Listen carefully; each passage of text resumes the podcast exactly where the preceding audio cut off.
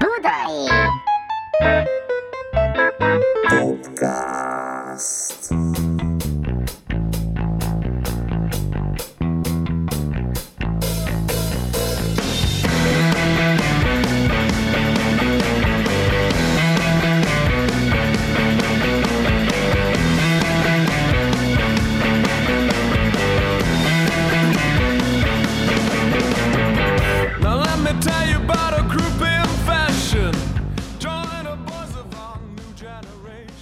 Sziasztok gyerekek!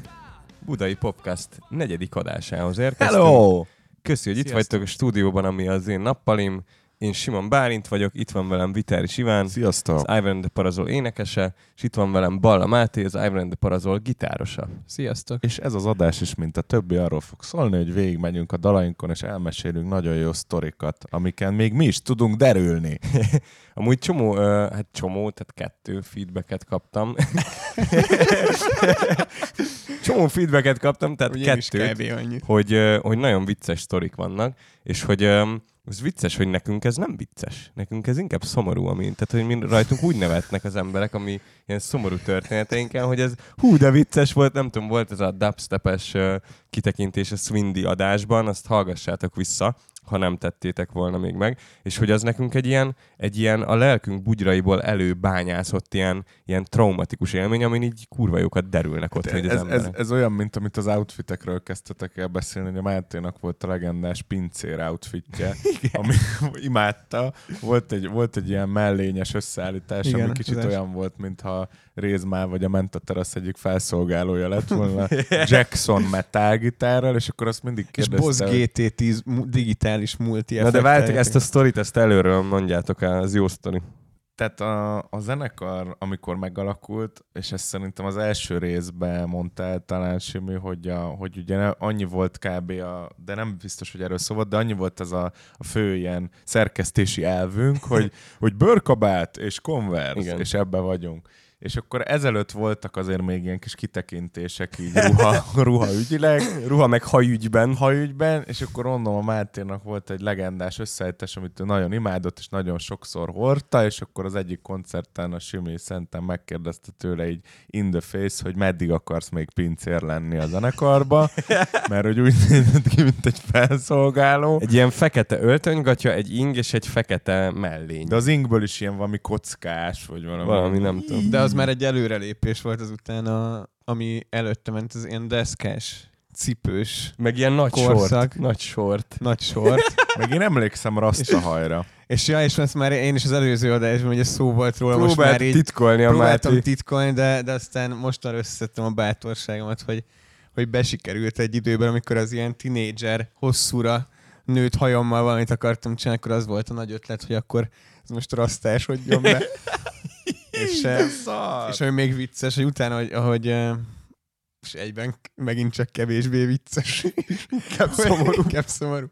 Hogy utána, aztán amikor az így lekerült a fejről végre, egyébként pár hónap után szerencsére, akkor, akkor az egy ideig még otthon meg volt őrizve egy kis zacskó. És aztán, és Úristen. aztán szerencsére, szerencsére a kukában végezte. Én arra emlékszem, hogy, a, hogy még a Máté apukája, Misi bácsi mondta azt, hogy, hogy az volt a jó haj, az ilyen jó Az raszta haj anyukám is azóta is Szerették, az cuki volt. Úristen, A gyerekek 1965 Igen. a téma, és ez egy, ez egy különleges dal, mert, mert koncepciózusan született meg, tehát előbb, előbb volt, ha jól emlékszem, szövege, mint, mint dal. Na, figyelj, ezt én felvezetem Ez ezt volt a... az első olyan, Igen. olyan dalunk. felvezetem ezt a kontextust, mert ez vicces számomra, hogy uh, ugye mindig egy, egy, egy ilyen uh, belső humor tárgya a zenekaron belül, hogy nekem uh, hány amerikai rokonom van, és hogy így uh, megosztanak a vélemények, hogy ilyen 0 és 350 között uh, valahol el Konvergál. megtalálható ez a szám, és hogy én először ugye 2010, ö, 2005-ben voltam Amerikában egy egész nyarat, amikor a rokonságot meglátogattam, és akkor egyedül kiutaztam Amerikába, és akkor még így emlékszem, hogy szüleim mesélték, hogy így, hogy így, így, így tökre izgultak, hogy jaj, most akkor a gyerek egyedül elmegy, és akkor majd ilyen könnyes búcsú Ferihegyen, meg nem tudom, és hogy mondták, hogy így így úgy köszöntem, hogy na sziasztok, és így már így mentem is be, tudod, semmilyen izé, sziasztok, izé, vigyázz magadra, nem tudom, csak így mentem el. Igen. És uh, ott um, ilyen Kaliforniában, meg New Yorkban voltunk, és később bátyám is csatlakozott, és emlékszem, hogy, hogy az egyik uh, unokatásom elvitt minket a Ö, hova is? Azt hiszem a Berkeley-re. Mert hogy akkor már én, már én doboltam egy ideje, és akkor ö, mondta, hogy itt van a, a világ egyik leghíresebb ö, könnyűzenei egyeteme, ahova, ahonnan amúgy is ilyen kurva híres előadók jönnek ki. És nekem akkor volt ez az első élményem, hogy, hogy mi az, hogy kampusz. Hogy, hogy egy egyetemi, egy ilyen ökoszisztéma az nagyjából úgy kell elképzelni, mint mondjuk Újlipót város, hogy olyan kurva nagy, ugyanúgy vannak benne utak, utcák, kocsmák, boltok, ö, ö, kolik, tehát ilyen tök jó flash, és akkor, ö, akkor találkoztam először az Urban Outfitters nevű márkával, ami azóta is nekünk egy ilyen olyan bolt volt, amikor mentünk Amerikába ugye együtt is, hogy ú, oda menjünk be, mert az ilyen És ezért amúgy Mindig most fizettek. feleslegesen bementünk, soha Igen. semmit nem tettünk. Nagyon egy- drága volt, de amúgy most fizettek nekünk, hogy ezt bemondjuk. Igen, és köszönjük szépen, megjött az utalás. Na és, um, és akkor, uh, hogy hú, mi ez az Urban Outfitters, menjünk be, és ez ugye 2005-ben járunk, és, um, és akkor így mondta Zack, ugye az unokatásom, hogy, hogy ja, ez ilyen hipster, it's like hipster clothing. És akkor mondom, micsoda? Hipster clothing, az micsoda?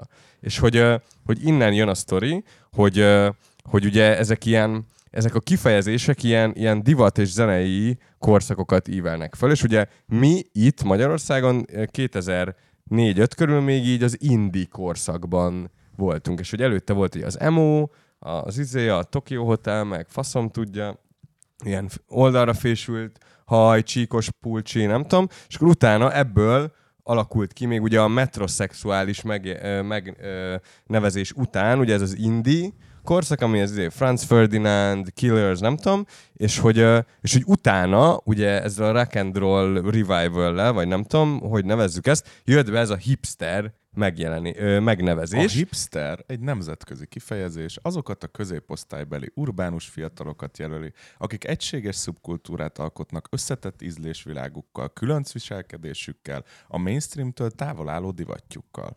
Használják rájuk még az alternatív kifejezést is, mivel zenei téren is inkább az alternatív indie vonalat követik. Fontos még, hogy ez az 1940-es Amerikában született meg a kifejezés, ahol is a jazzklubokban olyan fiatal, fehér, jómódú férfiak gyűltek össze, akik rajongtak a feketék zenéért, és ezért még éles stílusukban is őket akarták követni, csak hogy hasonlítsanak hozzájuk. Szuper. Na és hogy, hogy, hogy ez a hipster vonulat indult el nagyjából ilyen a tízes évek környékén itthon is, amikor mi ugye elkezdtük ezt a zenekart. 1910-es évek. Igen. És, és hogy akkor mi ugye nem is gondoltuk azt, hogy, hogy, ezek, hogy, hogy mi egyáltalán hipsterek lennénk, és majd ez egy kérdésem lesz felétek, de hogy, hogy amit akarok mondani, és amiért jött ez a sztori, hogy ugye itt a refrénben az van, hogy 'cause you're a hipster, és hogy, hogy emlékszem, hogy csomó haverunk, barátunk így mondta, hogy hát gyerekek, azért ezt így belemondani egy refrén, az kurva ciki most, hogy ez egy hipster. És hogy így, ez nekünk így nem volt meg, hogy, hogy, hogy így ez most, és mondom, miért lenne ciki? Hát mert most mindenki hipster, most az a divat, meg nem tudom. Állandóan újra és újra feljönnek ezek. Tehát egyszer hippi, vagy egyszer mod, vagy egyszer nem tudom mi van. Tehát, hogy ezek, ez, ez ugyanúgy visszajött, és én emlékszem, hogy akkor az elején, amikor így voltak ezek a kis események, meg koncertek, meg ezek a gyűjtőhelyek, amiről pont most beszéltünk sokat ott a Marci Bányi téren, az a Rézmál, vagy mi volt az a Rézmál. hely, ahova jártak le ezek a hipster arcok. De hogy a, a, De a, a mostani hipster arcok? Vagy mi? 2010-es Aha. évek hipster arcai, és akkor ezt újra elkezdték használni erre a szubkultúrára, és mi erre akartunk úgy reflektálni, hogy viszont visszamenve arra, azokra a hipsterekre, akik még tényleg azok voltak, de a dal amúgy alapvetően inkább ezt a 60-as évekbeli hipstereket fogja meg, nem a 40-es évek jazz világát, és szerintem ami még érdekes benne, és lehet, hogy a közönség ugye kiszúrja, hogy itt van azért egy elég erős Beatles utalás a Igen. dal közepén, konkrétan szinte egy az egybe a Get Back-nek benne van egy, egy részlete, azóta is pereskedünk Paul McCartney-val, ügyvédeink harcban állnak, nem, amúgy nem vette ezt észre, hála Istennek, mert amúgy letilthatná. De amúgy ez vicces, mert hogy a, az első ilyen nemzetközi szerződésünk, az nem is tudom kivel volt, egy ilyen angol céggel azt hiszem, Igen. és, és azt hiszem egy ilyen, egy ilyen sinking agency lehetett, és emlékszem, hogy ebből volt para, hogy mondták, hogy, hogy így nem tudják ö, ö, így eladni a dalt, mert hogy copyright para van a dalban, mert hogy egy Beatles szöveg van benne. Igen, ezekkel az van, most egy kis jogi kitérőt fogunk tenni, Na. hogy ugye ezek, ezek az átdolgozások, ezekhez kell az eredeti szerzőknek, vagy a jogutódjaiknak a, a beleegyezés, és itt, itt tényleg az van, hogy, hogy azt hiszem, szerintem két sor van, hogy ez a Wearing the High Heel Shoes and a Low Neck Sweater, ez a Get Back-be az a középső rész, amikor erről a csajról, Lorettáról énekel a McCartney, és hát természetes valószínűleg, hogyha mi ott az Apple Records per jogutódokat így megkeressük, hát biztos, hogy, biztos, hogy letiltják, vagy azt mondják, hogy írd át.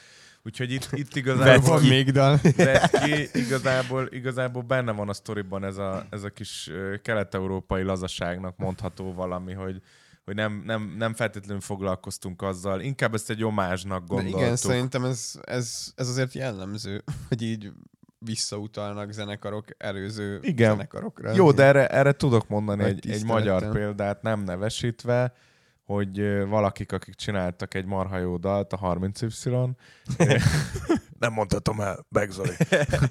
30 y csináltak egy nagyon, nem, azt nem fogom elmondani, hogy kinek az utalása, csináltak egy marha jó dalt, ami, amiben van egy, van egy utalás, és felhívta azt az embert, akinek a szövege benne van, ugyanígy egy egy sor, és annyit mondott rá, hogy ki vagy te, te kis senki házi, te hogy, me-" és a magyar szerző, tehát hogy, hogy, hogy itt, itt, még csak nem is az volt, hogy egy, egy világsztár, szóval hogy ezért nem feltétlenül kell arra gondolni, hogy ennek mindenki örül, vagy nem tudom, hogy miért. Szerintem az is egy marha menő omázs volt annak a zenekarnak a működésére visszakapcsolva. Persze, hogy most... Meg a érted, ez tök jó, hát reklám. Érted, neki. érted, újra először, újra menővé tettük a beat. Figyelj, most érted, elérsz a fiatalokhoz. Érted? Érted, Paul? Szóval, hogy szerintetek mi voltunk a hipster zenekar? Mert ugye volt ugye az indie zenekar a Moog, és akkor izé, meg a Jagged, és akkor a hipster zenekar, meg mi voltunk? én, én teljesen kívül állónak éreztem magunkat, meg én valahogy ezt a, ezt a dalt is kicsit úgy fogtam fel, hogy nem, nem jó, nyilván ez Iván, te jobban tudod, hogy mire gondoltál, de mondjuk a, az én értelmezésemben ez a, nem is egy fricska volt, de hogy, de egy pár sor azért kicsit arról szólt, hogy, hogy ugye, na te milyen jól nézel ki szemben a, hogy van, with mine with the, with the peace pod, on itt van ez a szövegben, nem? Ja, hogy az én lehúgyozott nadrágom. Igen. Igen, tehát hogy ott a, De ez fricska volt a dal, abszolút. igen, tehát hogy ez Persze, így szerintem ez persze. tökre benne volt, és, és, és ez, ezzel így nem, nem mondom, hogy küzdöttünk az elejétől kezdve, de hogy szerintem így nem annyira szerettük azt, amikor így jó, elkezdtük, akkor mi voltunk az indie rock zenekar, akkor oké, okay, most mi lettünk a, nem tudom, az ilyen retro rock zenekar, aztán mi lettünk az underground zenekar, aztán mi lettünk már az ilyen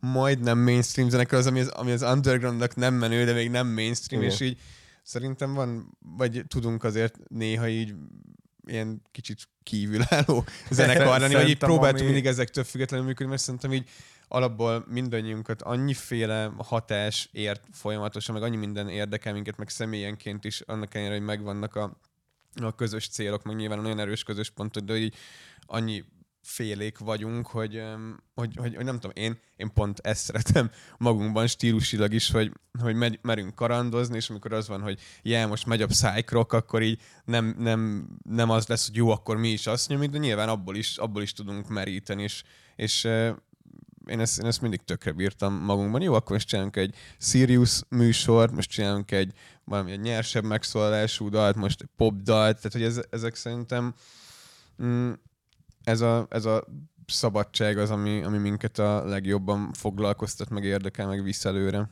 Amiről nem beszéltünk, azok az angol szövegek, mert hogy ugye ez az elejétől egy ilyen koncepciózus dolog volt nálunk, hogy ugye ez az állandó kérdés, hogy, hogy de hát, hogy akkor most angolul vagy magyarul, és amit még szintén nem raktunk a sztorihoz hozzá, hogy például ez a 65-ben is tudom, hogy melyik részek pontosan, azokat anyukám rakta hozzá, aki ugye filmfordító, és nagyon sok legendás filmben, például Bluffben megtalálhatóak a magyar szövegei. Pornós Harry. Po, igen. Tehát any- Nem, az a ramasz az agy. meózta le ezeket a szövegeket az, az első négy lemeznél. Az első háromnál biztos, hogy végig, és ez a Smoking Aces, meg ezek az ilyen érthetően ilyen anyanyelvi kifejezéseket, azokat ő rakta hozzá, mert én, én azért, tehát hogy azért ő sokkal jobban tud angolul, mint én. Olgának Jó, az úton is köszönjük. Akkor jogdíjakat azért jól Tehát, hogy mint kispóroltuk szerze, szerzőnek, jó, azt azért megkapta ő, jó, azért azt ne higgyem. Jó, helyes. De hogy tényleg az, azt, az fontos leszögezni, hogy, hogy nagyon, nagyon jól tudtuk így, így kifejezni magunkat, hogy volt, volt azért egy meókör, meg zenekaron belül is volt. Mi az a Szerintem meó? Az az ellenőrzés, a meózás. Azt a, egy ilyen... Érted, bro, lemeóztam. Lemeózta, érted? Anya lemeózta.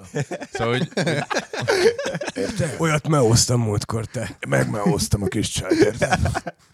hogy ö, ö, a, az a lényeg, hogy, hogy ez a 65, igen, szerintem is egy, egy, egy frikcsa, frikcsi volt, Frikcsi. egy frikcseus, és ö, ami még érdekes, és azt, azt is akartam felolvasni, hogy, hogy emlékszünk-e, hogy ezt kimondta, azt mondja valaki, hogy ja, és ami mindenképp kerüljön bele egy PR szövegbe, hogy egybe játszottuk föl metronóm nélkül, hogy benne maradjon a zenekar lelke, pumpálása, amit élőben hallanak a rajongók a koncerteken.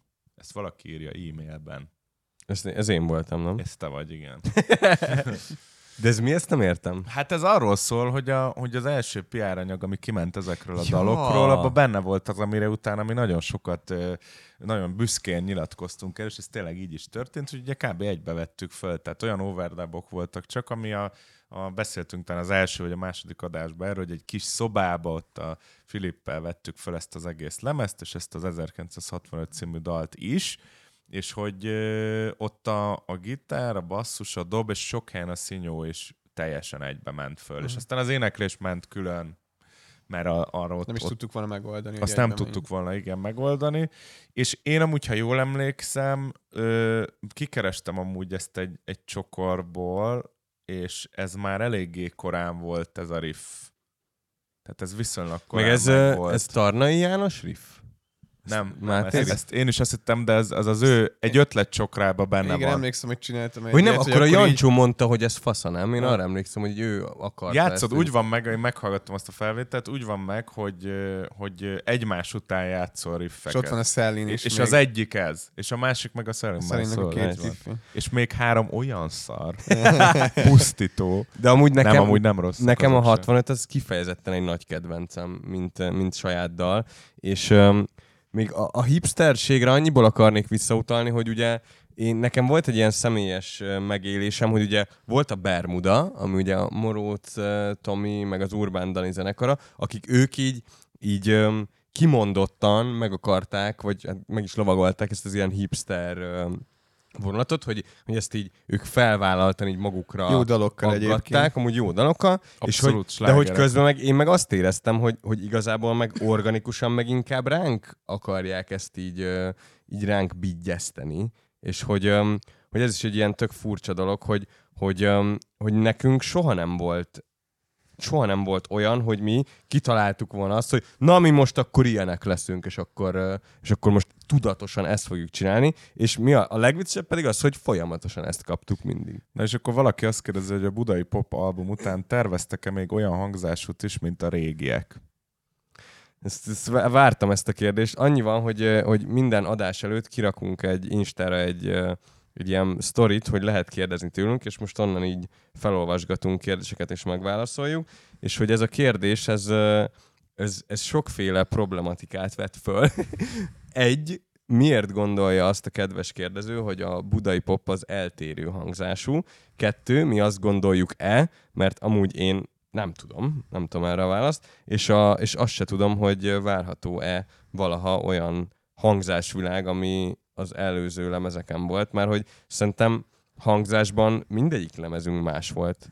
Meg, meg itt az van, hogy most a, feltetted a kérdést Picasso-nak is, megint csak egy komoly összehasonlítás, de ez jutott eszembe, sajnálom, tehát nem azért, mert ekkora királyok lennénk, hanem ez jutott eszembe, neki is egy kék korszaka van. És akkor ez, én azt gondolom, hogy, hogy, a, hogy a zenei meg a művészi fejlődésnek azért az fontos része, hogy ne ragadjunk meg egy szinten, meg hogy ne térjünk oda-vissza, ami már egyszer volt. Tehát, hogy ez itt nagyon sok minden átalakult, megváltozott, akár csak felállásban is, meg tudásban is, úgyhogy szerintem erre az a válasz, hogy valami lesz, amiben lehet, hogy meg lesz az is, amit ő most keres, ez a régi hangzás, de hogy olyan nem lesz újra ugyanolyan, az biztos, ezer százalék. Szerintem van egy, van egy ilyen belső, egy, egy ilyen kis golyó, ilyen eszenciánk, ami, ami, ami, ami megmaradt. Tehát, hogy ami, ami az elején is már vitt, vitte előre ezt az egészet, és, és még így most is, most, most is ott van köztünk, ez nem tudom, ez, ez a ez, ez mi?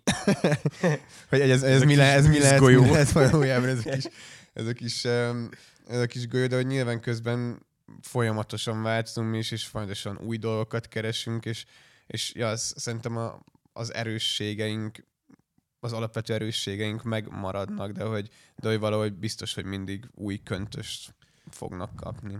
De Figyeljetek, jól ez- emlékszem, hogy, a, hogy, hogy csak a Mama Doncsi volt metronom nélkül játszva? Meg ugye most a budai Most pop is, a- az lett. Hogy ez is egy ilyen izgalmas dolog, hogy Egyébként most, ja, most én ezt érzem kicsit, hogy ilyen, hogy felszabadultak azért bizonyos dalokban hasonló energiák, mint akkor.